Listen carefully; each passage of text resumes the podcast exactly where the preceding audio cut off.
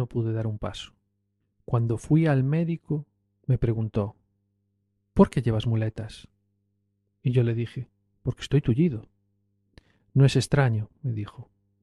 Prueba a caminar. Son estos trastos los que te impiden andar. Anda, atrévete, arrástrate a cuatro patas.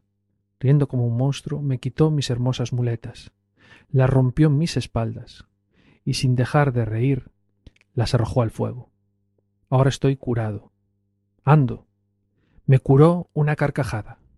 Tan solo a veces, cuando veo palos, camino algo peor por unas horas. Bertolt Brecht. ¡Comenzamos!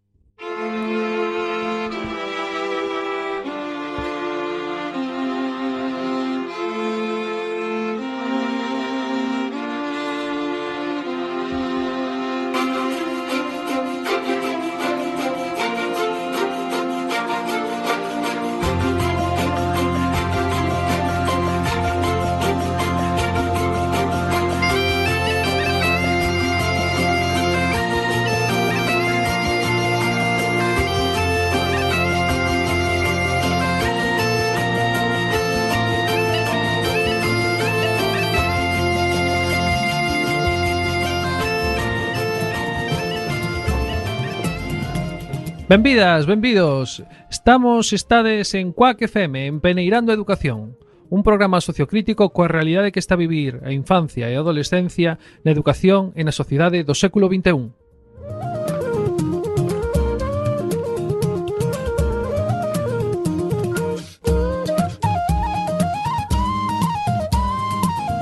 Estamos en directo na 103.4 da frecuencia modulada Tamén podedes escoitarnos en directo a través da internet na web de quackfm.org e na app de iVox.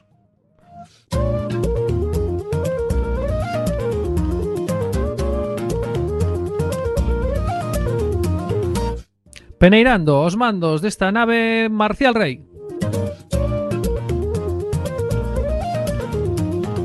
Nos micros o que lles fala Fernando Sueiro.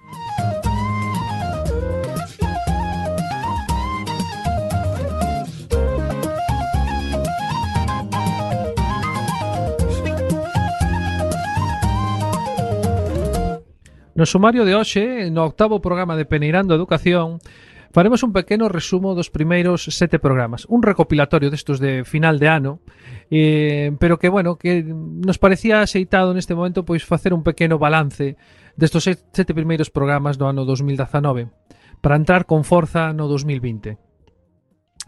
Sempre é motivo un ano novo de, de novas metas, de novos eh, anelos, de novos proxectos. Para nós este ano comenzou o 8 de setembro, con este novo proxecto moi ilusionantes que está sendo moi gratificante. E continuamos con este recopilatorio dos sete primeiros programas no que estivemos.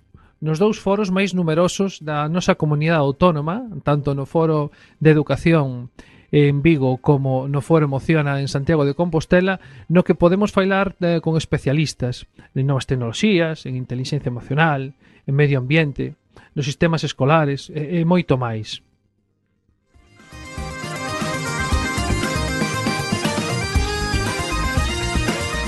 Ademais, tivemos a ocasión de ter no noso estudio a Celestino Pérez Recarei, toda unha vida dedicada á educación. Eh, a Paula Fernández, pois tomando a iniciativa para xerar unha nova asociación de pais e nais, pero de dos nenos con necesidades educativas especiais. E a Marta, a Marta especialmente porque eh, nos axudou nese primeiro programa a arrancar este proxecto.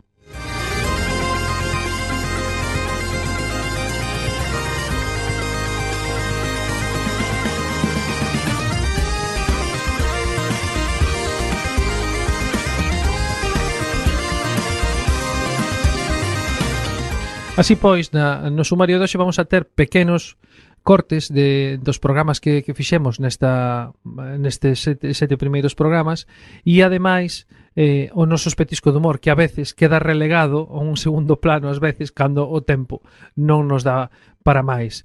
Eh, con todo isto empezamos cun pequeno petisco eh, novo eh, que nos vai introducir nos diferentes eh, personaxes que estiveron nestes sete primeiros programas.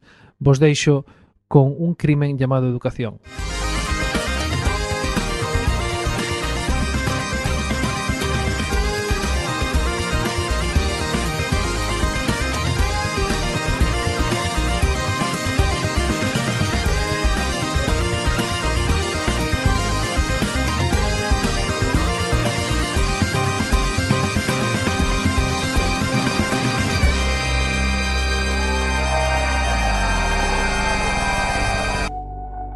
El sistema educativo se montó con la revolución industrial y seguimos exactamente igual.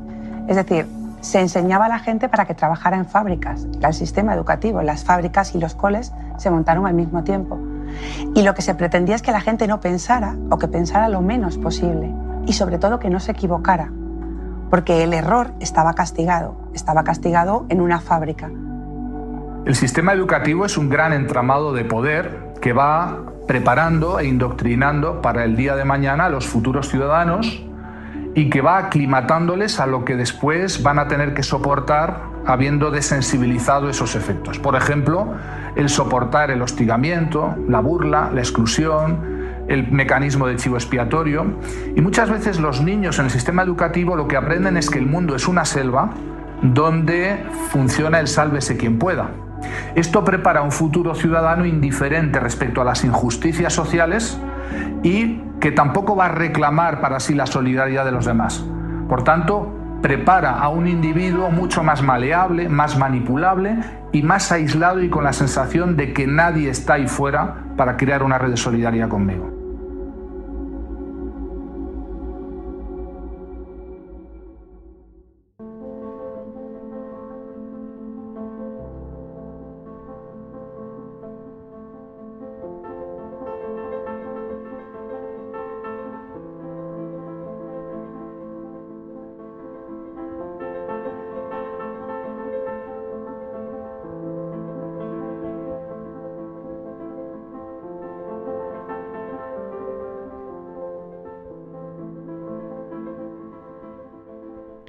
Tamén estivo Javier, Javier Romero no Foro de Educación e tamén pudimos facer unha pequena entrevista eh, pois un pouco viña intentando divulgar o método BAPNE e, e bueno, nada, deixarvos un pequeno anaco desa, desa pequena entrevista eh, con Javier Romero. Nosotros hemos aprendido con un sistema de transmisión de información en el que hemos tenido que estar casi seis horas sentados seguidos dentro del aula. El único momento en el que nos levantábamos y hacíamos algo era en el recreo y dentro del aula además estamos sentados de forma jerárquico industrial militar, es decir, el contacto con el resto de los compañeros, eh, el poder comunicarnos estaba casi reducido. ¿Qué es lo que ocurre? Se sabe que los tiempos están cambiando, el alumnado está cambiando y la forma en la que nosotros nos formamos y nos dieron clase hace 20, 30 años eh, no, no se sostienen más el alumnado que tenemos ahora es un alumnado cibernético, es, una, es un alumnado altamente conectado a las redes sociales, al mundo tecnológico, es un alumnado que ya no juega, que ya no se pelea en, el patio, sino que se insulta o a lo mejor se meten unos con otros a través de WhatsApp o redes sociales. Con lo cual, el profesorado tiene que dotarse de instrumentos, de herramientas para saber qué es lo que hago con ese tipo de personas. Eso es muy, muy importante. ¿Qué es lo que ocurre? El alumnado a día de hoy ya no va a clase como nosotros íbamos a clase, es decir, nosotros íbamos con un grado de ansiedad muy alto, porque si nos movíamos, si hablábamos, si molestábamos, o levantaban la mano, que era permitido en ese momento, y después lo peor es que no solo te daban allí, sino después, cuando ibas a casa, te daban la segunda parte. Con lo cual, ese proceso en el que tú vas a educarte, vas casi a un purgatorio. Es decir, voy allí a sufrir en la, en la escuela. Y parece ser que nos han transmitido que cuanto más sufres, parece que después más lejos vas a llegar. Y se sabe que ese procedimiento educativo no funciona. Lo que hace es que tira para atrás a la gente en el que no quiere seguir estudiando, no quiere seguir formándose, porque no hay emoción, no hay conexión. ¿Qué es lo que hacemos entonces? Intentar cambiarlo. Yo puedo aprender y me puedo divertir. Puede haber juego, sí, pero realmente puedo estar estimulando. ¿Cómo consigo yo que el alumnado esté atento? ¿Mediante la ansiedad, el látigo, que es lo que hacían antes con nosotros? ¿O tengo que tener otras estrategias para poder ya llevármelo? Entonces se sabe que si yo les muevo en pequeños intervalos, ¿sí? Hay una proteína, hay una neurotrofina en nuestro cerebro que se llama la BDNF, que hace que lo que tú me estás enseñando y me has dado durante 15 minutos, yo lo voy a interiorizar y lo voy a entender muchísimo mejor hay mayor plasticidad en nuestro cerebro.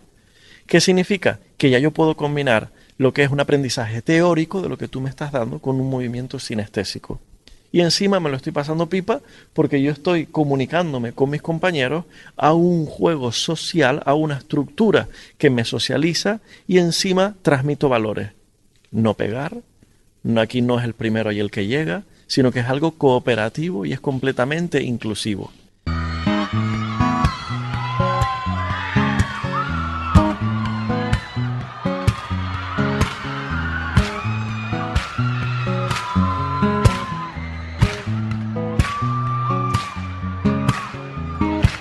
Just a castaway, and I'm lost at sea. Another lonely day, and no one here but me. More loneliness than anyone could bear. Rescue me before I fall into despair. I send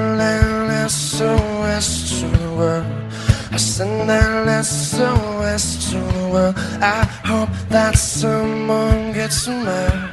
I hope that someone gets mad.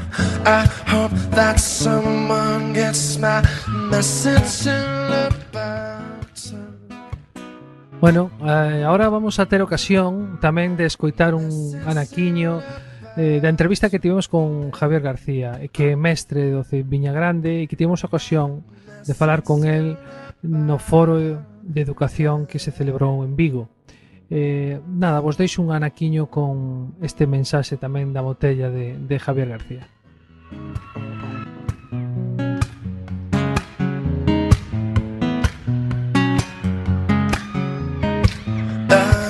Has passed since I wrote my note I should have known it right from the start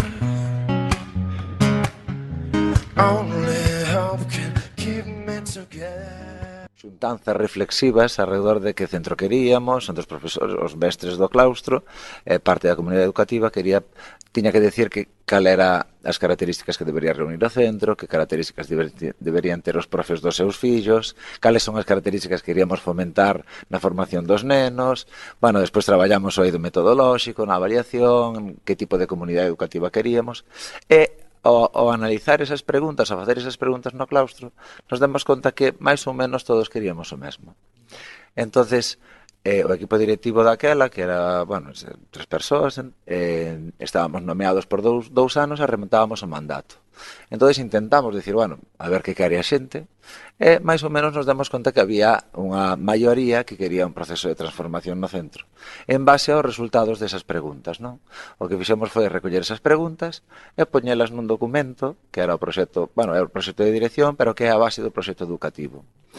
Eh, así a grandes rasgos, eso supuxo pois, cinco grandes pilares donde sustentar o proxecto, que era un cambio nos espacios e nos tempos, cambios a nivel metodolóxico, cambios nos roles docentes e, e dos propios nenos, cambios tamén na, no concepto que tiñamos de comunidade educativa, que parece que as familias se levan mal con nós e nós cos familias, e queríamos darlle un, completamente unha, unha volta, porque queríamos que, que podíamos traballar, traballar xuntos.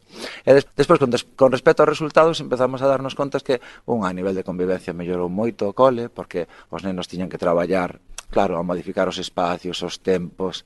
Despois había unha máxima que era o neno ten que ser achegarse ao contido para facer algo con el que tiña que ser creador eu podo che dar eh, as características dos, dos animais vertebrados e invertebrados, pero ti tens que facer algo con eso. O sea, non sei, imagínate, pois, crear un programa de tele específico vale, con entradiña, con tal, ou con un informativo, na que ti informes ao resto das persoas que che ven. Vale, entonces o contido era un contido curricular académico, pero o produto que os nenos creaban era moi motivante para eles.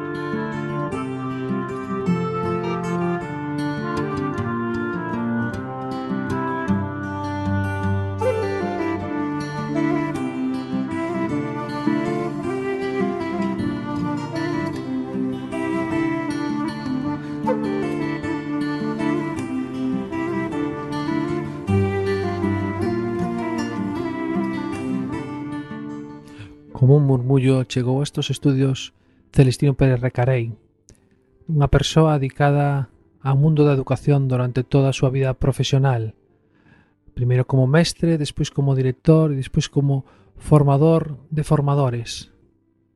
Toda unha vida dedicada á educación. Pois deixamos un pequeno petisco daquela entrevista que te dimos que tivemos con Celestino, que ten moitas cousas que dicir e ás veces o tempo non chega para todo o que un ten que dicir. Pois deixamos con Celestino.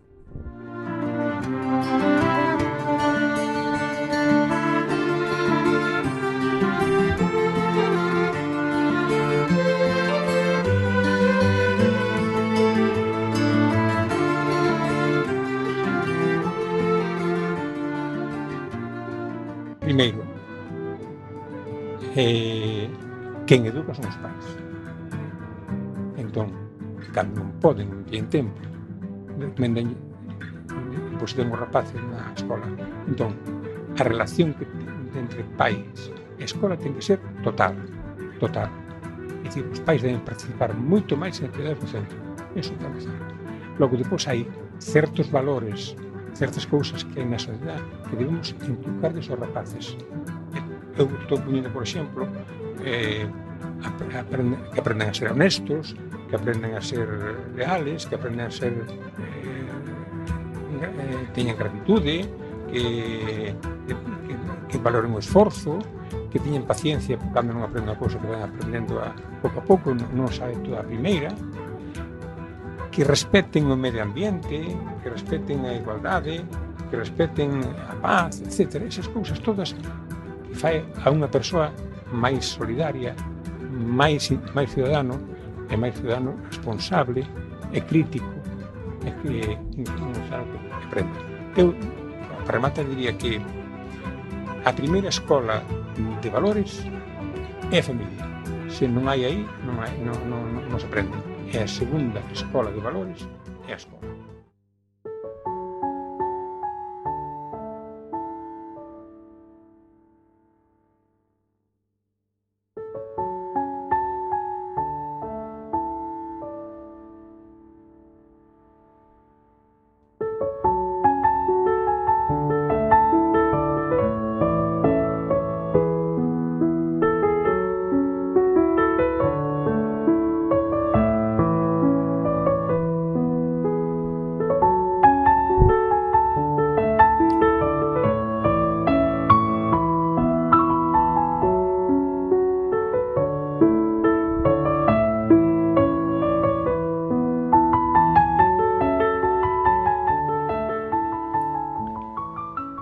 Tamén tivemos a ocasión de estar eh, con Paula Fernández, que é a presidenta da Asociación de Pais e Nais de Nenos con Necesidades Educativas Especiais. Eh, foi unha tarde ben productiva con, con Paula eh, no Centro Cívico de Rosales e queríamos tamén recordar esa pequena entrevista cun pequeno anaco da mesma. Vos deixo con Paula Fernández.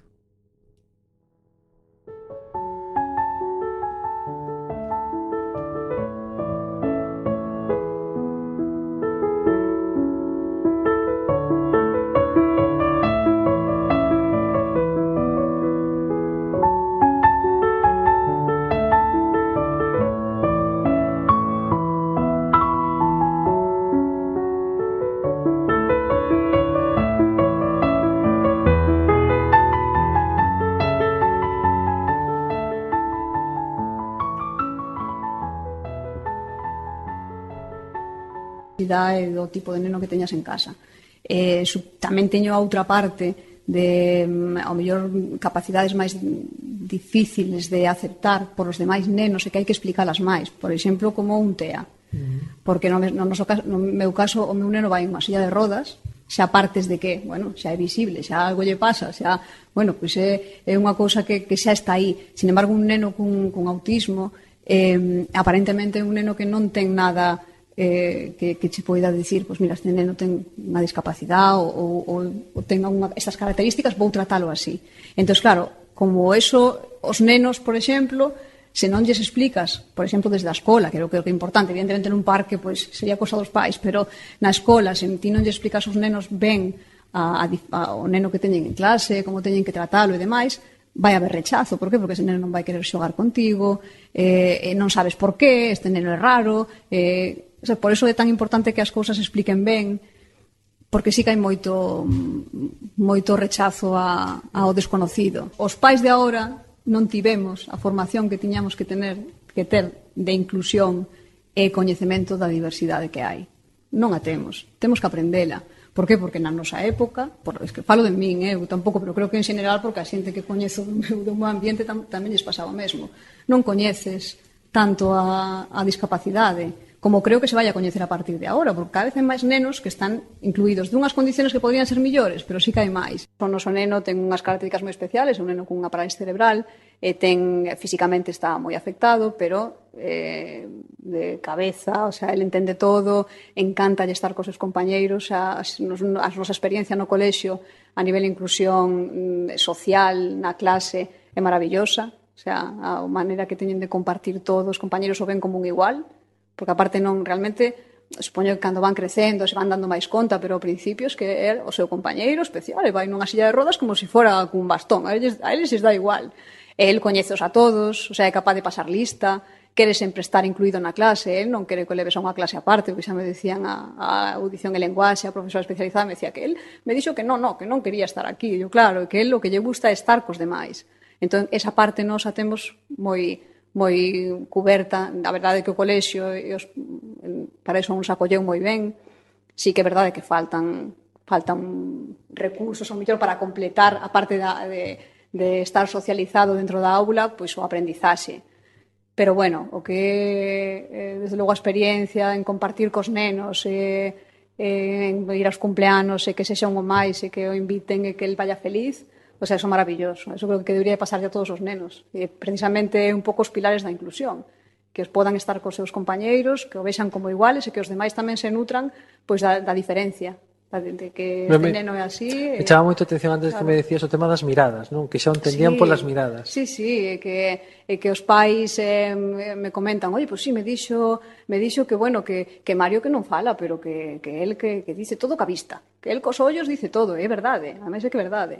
e aprenden a estar pendentes del e, e bueno, e incluso a ignoralo, que eso é maravilloso tamén, porque é parte da inclusión, quer decir, o ben común o máis non é nin especial, nin, nin, o sea, ten as súas características e está aí. O sea, que eu creo que é un beneficio, incluso a nós, o millor, pois, pues, eh, facemos moitísimas cosas con el, temos unha pandilla de amigos, o incluímos sempre, e nunca o vemos como unha dificultade para facer de todo. O sea, dende de, de, o ocio, o deporte, eh, bueno, neso nos A mellor temos unha mirada moi positiva, eh, eh, pois intentamos ver sempre o positivo máis que a dificultad.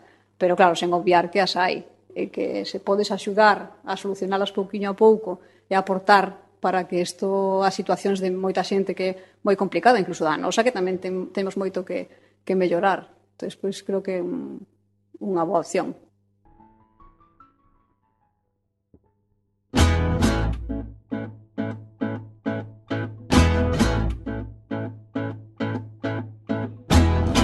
Agora sim damos a volta a isto Agora sim há pernas para andar. Agora sim eu sinto otimismo. Vamos em frente, ninguém nos vai parar. Agora não, que é hora do almoço.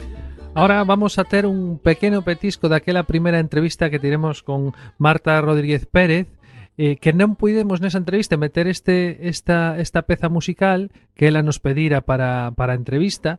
E agora vos deixamos un ratiño con esta peza musical e xa deixamos co, con ese corte pequeno daquela entrevista que fixemos nese primeiro programa.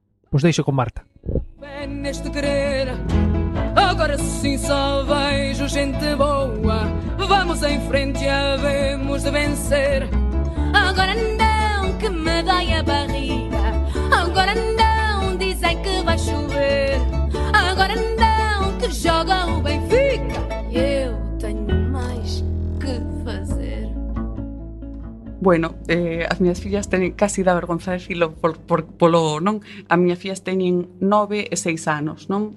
Eh, e que unha nena de nove anos vai a mercar o pan, hai xente que lle parece alarmante, se vai acompañada dunha de seis, non aínda máis, porque as nenas e nenos perderon moita liberdade, moita autonomía, perderon cidadanía, perderon capacidade de, de eu fai anos viaxar a India e asombrárame a madurez de moitas nenas e nenos que falábamos con elas e, e, e informábamos os problemas que tiña a súa comunidade, do seu papel na súa comunidade.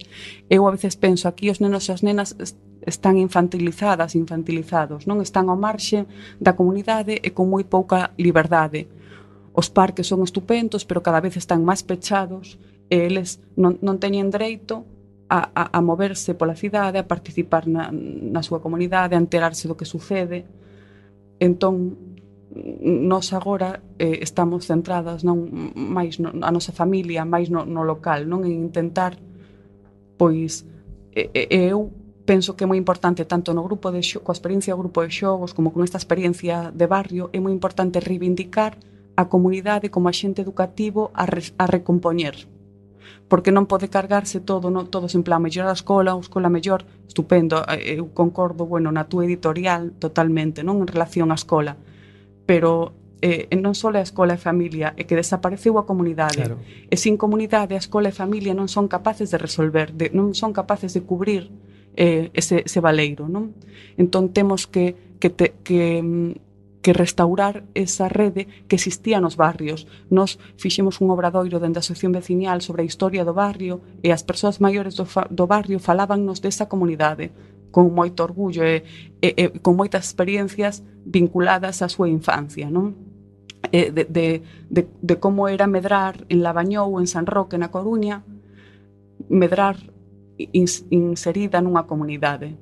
E, e, e, e nos escoitamos as maiores e, alucinamos, non? Do, do potente que era eso, e, e con moita envexa, dicindo, se, se tiveramos isto hoxe, non? Como podemos rescatar isto? Eh, eu creo que, que Marta, ti, eh, neste caso, é, eh, é un, é un exemplo no sentido de, de como moitas, seguramente, outras persoas que nos poden estar escoitando, eh, que están intentando facer o que ti fixeches con, eh, con máis ou menos apoio, pero que importante eh, o testimonio de que é posible, de que se pode eh, intentar recuperar e ás veces recuperar, aunque sea unha pingueira, pero recuperar un pouquiño ou intentalo. Evidentemente, necesitamos axuda de moitas outras partes, non? Eu, bueno, algo eh, nos pouco fixemos e bueno, as, actualmente na sociedade actual tes tan pouco tempo, non? Que tes tan poucas enerxías, pero algo para animar a xente eh, eu diría que é moi, moi placenteiro, moi satisfactorio. Non Para o noso grupo de xogos foi unha fonte de, de felicidade, de, de bons momentos, non de disfrute e penso que tamén o proceso de restaurar a comunidade no noso barrio ahora tamén o pode ser, non? Restauramos unha festa tradicional, a festa dos porcos que se facía no barrio fai anos, bueno, e descubrimos moitas cousas, coñecimos a xente maior. Entón, é un proceso para min que é fundamental para unha boa calidade de vida Totalmente. e despois é un proceso placenteiro, non, non, non é algo... O problema é que non hai tempo para dedicarse a él.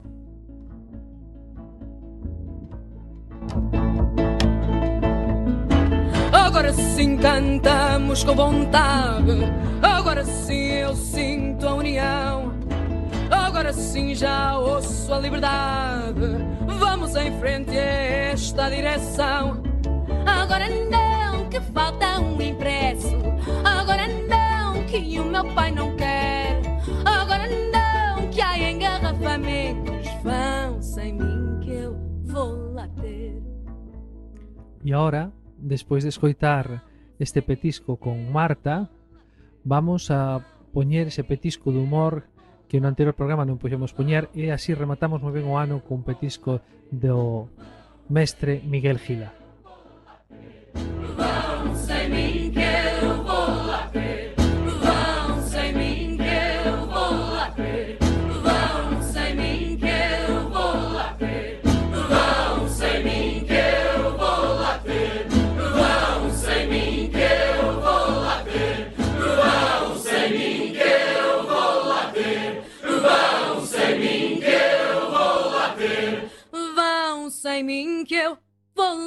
Meterme en algo personal, pero hace días que tengo necesidad de, de hacer esta llamada y aprovecho que estoy aquí, tengo el teléfono para... Escúcheme, eh, ¿es, es el colegio de los capilorcios? ¿Está el director? Sí, que se ponga. Sí. Eh, escúcheme una cosa, que me ha tenido el niño la factura del colegio Y digo yo, esto no será de algún hotel se, le ha traspapelado a usted. Porque aquí dice, externado, 14.000. ¿Externado que es que va el niño al colegio y no entra? O sea, por ir, ¿no? Piano, 7.000. Le dan el piano para él a fin de curso. Porque toque la zambomba, le enseño yo. Inglés, 8.000. ¿No tiene usted un inglés más arregladito? Bueno, pues que hable valenciano deprisa como la abuela y mejor. Uniforme, 12.000. ¿De qué le han vestido? ¿De almirante marina? O sea, el mandilón ese, 12.000. Transporte escolar, 15.450. ¿Qué le llevan al colegio? ¿En el AVE? Bueno, pues que vayan dando. Desgaste de patio. Desgaste de patio. ¿Qué pasa? ¿Que lleva lija al niño y raspa el patio? ¿Y eso porque no lo pagamos a medias? Hombre, yo lo digo porque también a mí se me desgastará el niño, ¿no? O su patio no desgasta. Bueno, calefacción, 6.900. Esto está bien. Esto lo paga cada niño un año lo de todos, ¿no? Como esto al mes, para carbón. Los hijos se van a tostar los niños. Y digo yo una cosa, ¿y si le mando caliente de casa? Que no me cuesta nada, ¿eh? Que es muy contestón y cuando se levante le... Bueno, pues quítale la calefacción y le compro una bufanda. Matrícula, 18.000. ¿Dónde lleva el niño la matrícula? Pues se dice que estoy todo el día agachate, date la vuelta y no se la veo. Bueno, timbres, 4.000. Fuera los timbres, que llame con la mano, que no... A estos gastos hay que añadir 260 pesetas de cumpleaños del maestro, del puro, de... ¿Qué? Que se pega una juerga, costa el niño, ¿no? ¿Y usted sabe dónde podría estudiar yo? Para pagarle a usted. Bueno, pues que no estudie. Le compro un balón y ya está. Hala. Total para lo que le sirve, porque después viene a casa y todos los problemas para mí. Viene un día, papá, ¿cómo se escribe horchata? ¿Con H o sin H?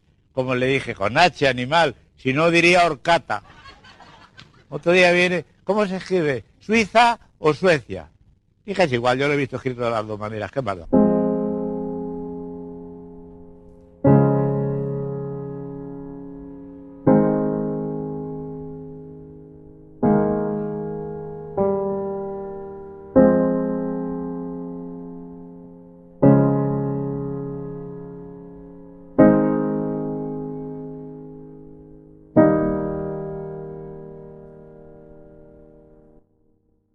Tamén tivemos a ocasión de achegarnos eh, a xunto Pablo Neira, que nos recibiu amablemente no seu despacho e no que pudimos manter unha conversa ben interesante da que tuvechedes cumprida conta no programa.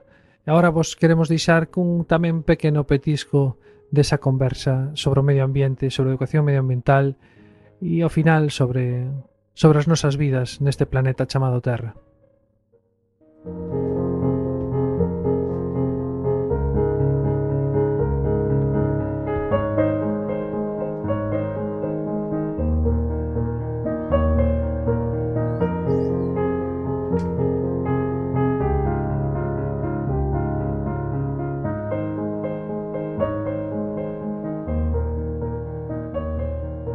neste momento a, mm, a, as eh, mensaxes centrais da educación ambiental son uh, teñen que combinar do, dúas uh, uh, dous sentimentos que así eu que son moi contradictorios. Primeiro, a quasi certeza de que estamos colapsando. Segundo, non hai pedagogía sin esperanza. É dicir, sin algún tipo de eh, alternativa ou de posibilidad de construción social dunha alternativa para evitar os peores escenarios posibles. ¿no? E isto uh, eh, é un dos grandes retos creo que ten a, a educación ambiental ou a educación para o cambio climático eh, neste próximo lustro, porque ademais a ventana de oportunidade para eludir os peores escenarios posibles é de escasamente un lustro, os máis uh, optimistas falan dunha década, pero non temos moita máis marxe de maniobra. Non?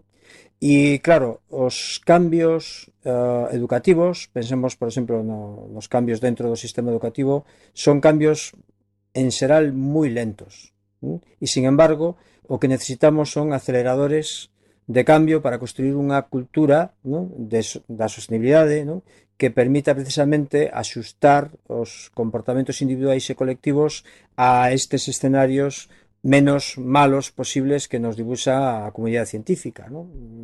O objetivo do Acordo de París eh, que mar se marca no Acordo de París é que a finales de século teñamos un grado e medio, como moito dos grados máis de temperatura media.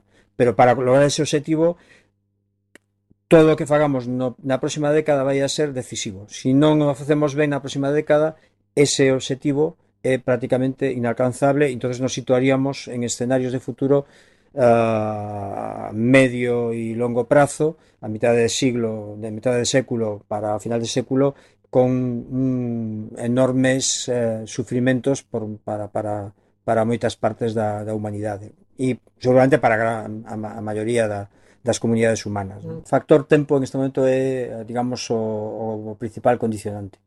Decir, necesitamos uh, responder, necesitamos resetear a sociedade, pero temos que facelo en, en unha ventana de tempo mm, reducida.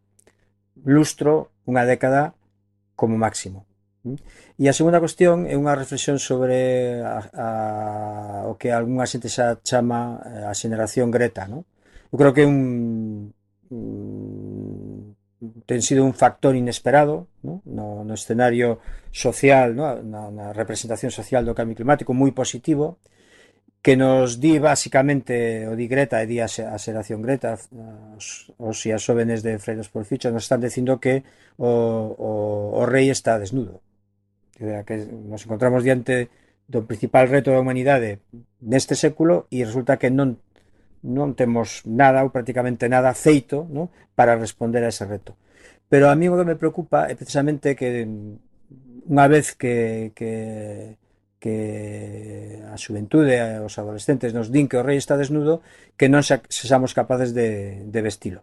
¿no? De que xeneremos sobre a frustración de persoas que perciben que o futuro está o seu futuro, non é o futuro en abstracto, sino o seu futuro está en cuestión, está amenazado que non somos capaces de responder, porque entonces o, si, o segundo a segunda oleada da xeración Greta pode ser moitísimo máis disruptiva que esta. E é unha cousa que estou empezando a percibir, non? É dicir, se si non somos capaces de responder a esa demanda, que é unha demanda xeracional, eu creo que bastante eh, extendida, non?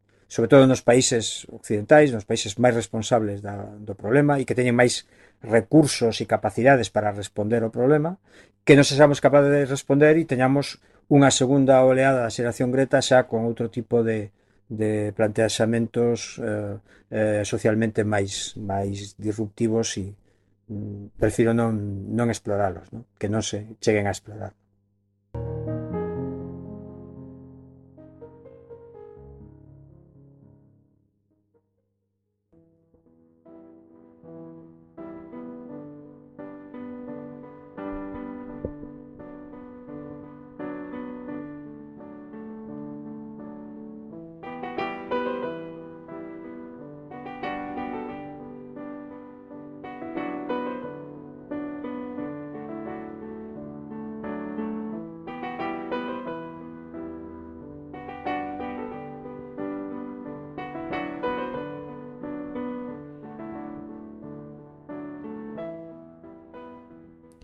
Bueno, eh, tamén contarvos que tivemos a ocasión de estar con Sergio Clavero, eh, que bueno que ten é un mestre de, de secundaria que ten focalizado os seus esforzos no, no audiovisual e ten a Turuxo Films que é unha productora de, de éxito porque non fai máis que recibir precios e de, premios e dende aquí queremos eh, darlles os nosos parabéns por todo isto que está a conquerir cos nenos e coas nenas eh, do instituto en, en proxectos realmente que, que bueno, que para nós foi todo un descubrimento esta perspectiva do, do audiovisual e das novas tecnoloxías.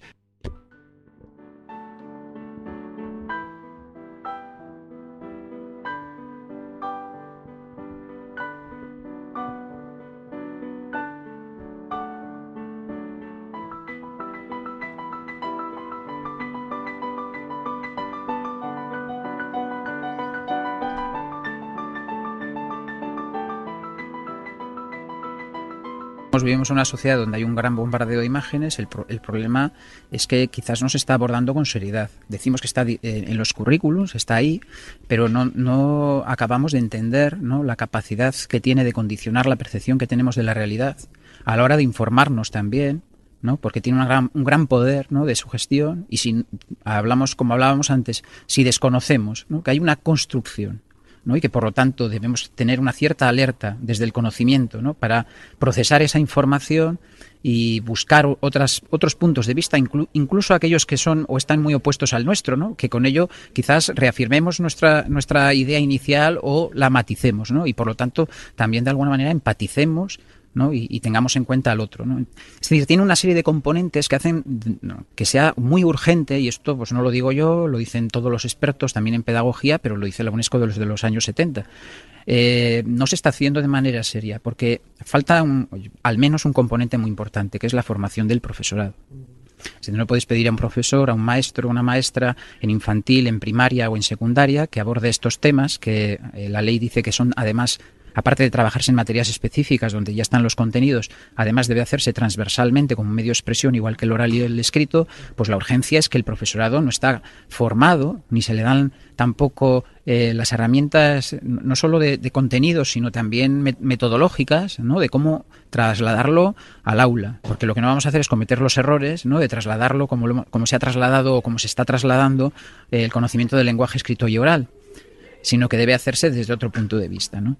Y por lo tanto, bueno, eh, que yo creo que falta realmente tomarse en serio la necesidad de la formación del profesorado, ya no solo del actual, sino también del futuro profesorado que está en las facultades de ciencias de la educación, donde estos contenidos tam- también mm, eh, es probable ¿no? que también estén un poco al margen, ¿no? porque también ese profesorado quizás necesite una formación específica. Entonces, bueno, es un debate bastante complejo, ¿no? que está actualmente bastante efervescente a nivel nacional, con la Academia de Cine y otros, otra serie de organismos. Y entonces, bueno, yo creo que falta una planificación en ese sentido.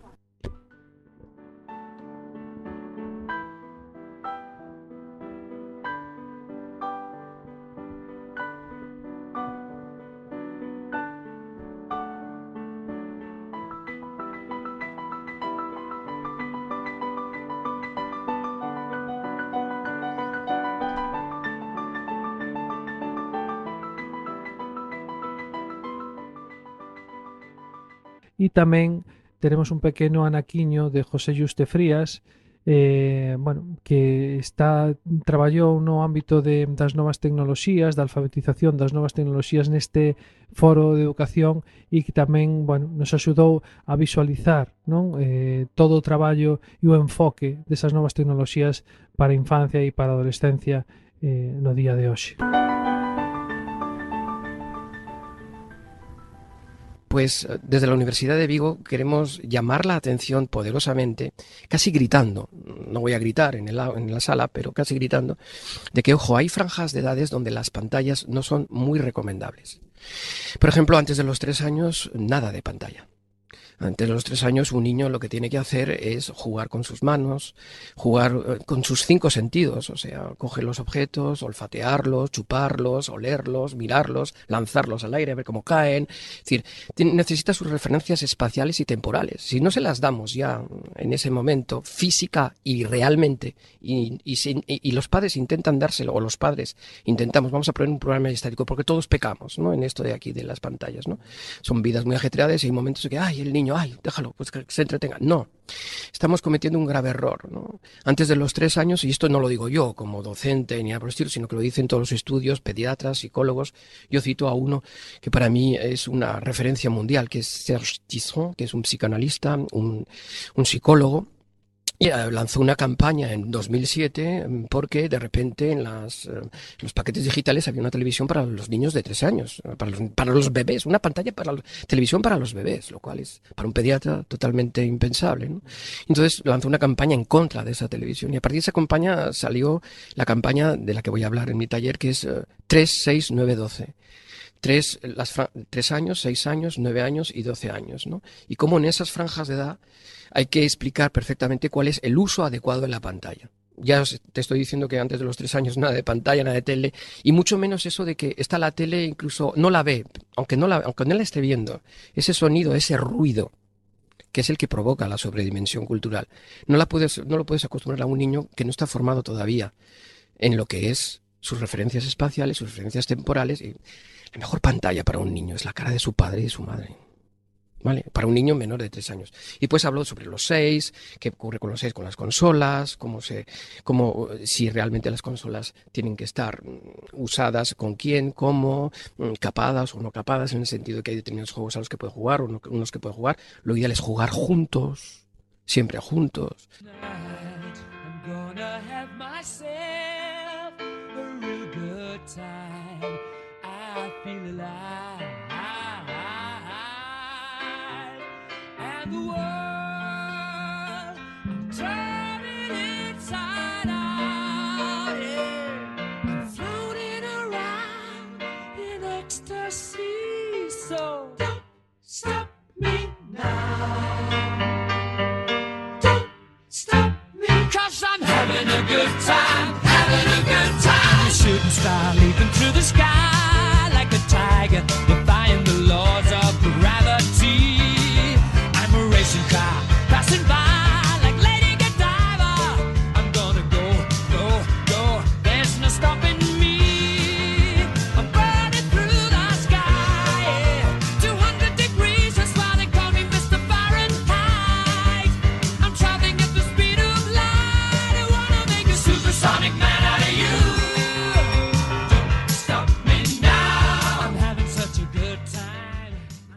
tamén estivemos con Verónica e Pedro no Foro Emociona eh, en Santiago de Compostela e, bueno, foi unha entrevista ben interesante eh, que tuveche ocasión de escoitalo no último programa e queremos poñervos un petisco que forme parte deste conxunto que estamos facendo hoxe para vos.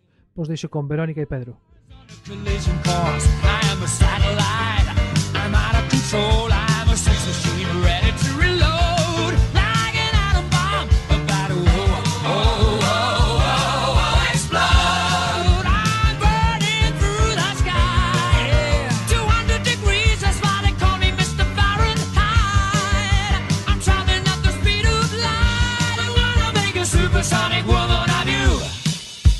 De los bebés, hablar de la crianza.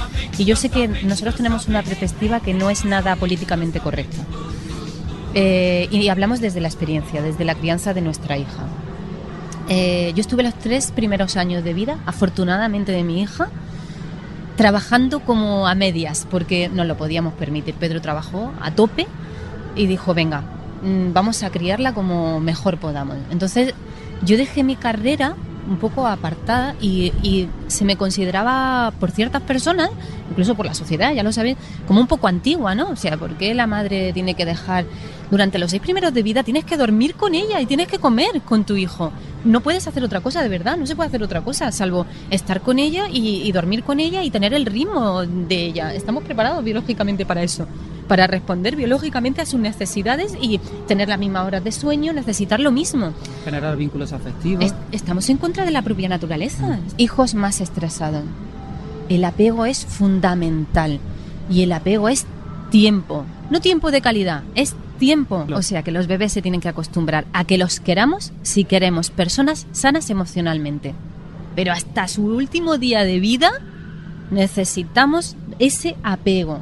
Es decir, y ese equilibrio emocional lo vamos a conseguir cuando el mam- la mamá y el papá, el papá más adelante, el papá lo que tiene es que dotar, vosotros que seréis padres seguramente, dotáis de recursos durante los primeros meses de vida, incluso los dos primeros años de vida, apoyo emocional, ayuda a la mamá y al bebé. Por supuesto está- estáis ahí y vuestra presencia es importante, pero es a partir de los dos años cuando, cuando ya empiezan los bebés a ver más allá de la mamá. Es así. Entonces eh, eh, hacéis una función fundamental, que es el equilibrio, es la eh, cubrir de necesidades, o sea, la- cubrir las necesidades que tienen la mamá y el bebé.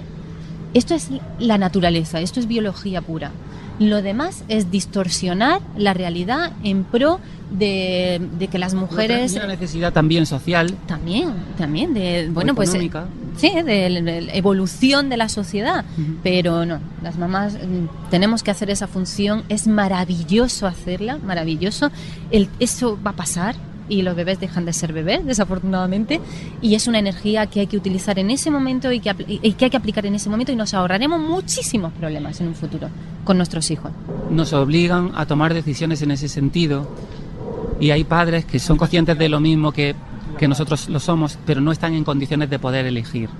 En esos casos, pues darle mucho ánimo, decirle que bueno, que tienen oportunidad también a lo largo de la vida de ayudar a sus hijos de otra manera, esta parte es muy importante, pero por desgracia no todo el mundo lo entiende del mismo modo y no nos lo ponen fácil. Entonces es un mensaje también este de, bueno, si no tienen más remedio que hacerlo así, pues lo hace así, no vamos a sufrir más por ello. Yo solo quiero matizar una cosa, y es que eh, a nosotros nos decían, tienes que llevarla a la escuela, porque así se socializa, así será una niña mm, pues eh, que aprende a relacionarse con los demás, a ser buena también. Es que si no se acostumbra demasiado a ti, no estoy para nada de acuerdo. Eh, estoy de acuerdo con lo que dice Pedro, si la madre o el padre no pueden cuidar de sus bebés, pues tenemos una alternativa, un sistema que funciona muy bien. Que nos puede servir de ayuda. Muchas veces funciona muy bien. De eso ya hablaremos en otra, en otra conversación. Pero la cuestión es que si puedo, si puedo, sería lo ideal. Y no lo decimos nosotros, lo dice la ciencia. Entonces es la ciencia contra qué? ¿Contra qué? Contra la felicidad de nuestros hijos y nuestra propia felicidad. Salud, salud. La sal- y la salud de nuestros hijos, por supuesto. Yo pienso que la educación en el Uruguay y en el mundo está en crisis, como tantas otras cosas. No encaja demasiado, al parecer, con las exigencias del hombre contemporáneo. Nosotros somos todos un sistema. Entonces tenemos que, primero que reconocer la importancia increíble que tienen los maestros.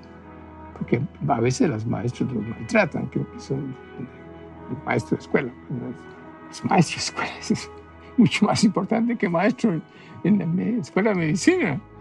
Es decir, tiene mucha más importancia el, el- entender eh, los, los pasos del pensamiento que una profesión da. Entonces, los maestros no, se les trata bien. Segundo, los maestros tampoco lo hacen bien.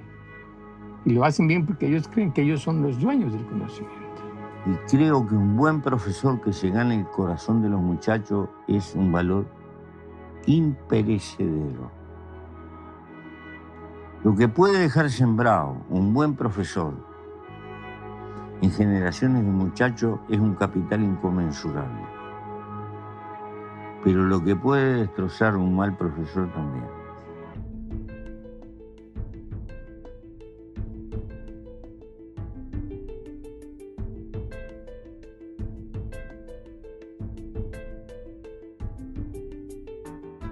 Bueno, chegamos ao final deste octavo programa, programa recopilatorio desta primeira destes primeiros programas de Peneirando Educación e o primeiro que queremos facer neste final é agradecementos. Queremos agradecer a Bruno pola súa amabilidade eh, con respecto ao Foro de Educación, a súa convidación a poder ir ao foro. Bueno, dende aquí un, unha aperta e, e que, pase, que pases moi boas festas, Bruno. Eh, a Ana Framiñán tamén pola súa convidación para ir ao Foro Emociona, pola entrevista que pudimos manter con ela e por toda a amabilidade de toda a organización de, de Foro Emociona que, bueno, nos facilitou pois unha xornada ben ilusionante. Despois, temos que agradecer evidentemente a, a disponibilidade e amabilidade de todos os convidados e convidadas que tivemos nestes primeiros sete programas. Eh, para nós foi un verdadeiro prazer este, esta primeira andaina e vamos, queremos eh, ser eh, correspondentes con esta amabilidade que vos nos dichedes. Comezamos en esto sendo moi novos, eh, non sabe, sabendo moi pouco. E, e bueno, e la, a verdade é que está, está sendo apaixonante todo o que estamos a vivir. Eh, o máis importante é a suma de vontades, a suma de vontades en relación á educación. Esta é unha das principales misións que nos plantexamos cando iniciamos este proxecto. Unir diferentes voces de diferentes eidos, pero todos cun nexo común, que é a infancia e a adolescencia. Xente que non se coñecía, eh, de diferentes ámbitos, pero que está nesa mesma dimensión de facer un contexto amable e rico para a infancia. E este contexto pretende ser radiofónico, un contexto radiofónico no que una, como hoxe, todas estas voces. Se coñezan entre elas, sepan que existen e que hai posibilidade de xuntarnos uns e outros.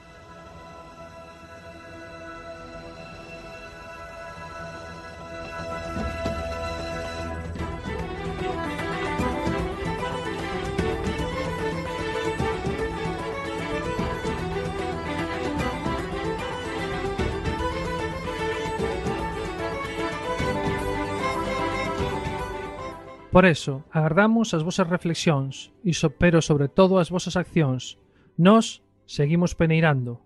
O único xeito de transformar é actuar en conxunto, colaborando, compartindo e participando uns con outros, entre outros, para outros, co obxectivo de que a infancia e a adolescencia sexan axentes de cambios reais, sexan considerados cidadáns con dereitos, obrigas, que opinan e participan. E agora, con Marcial Rey, diremos ata o próximo programa Seguimos peneirando. Até mais breve.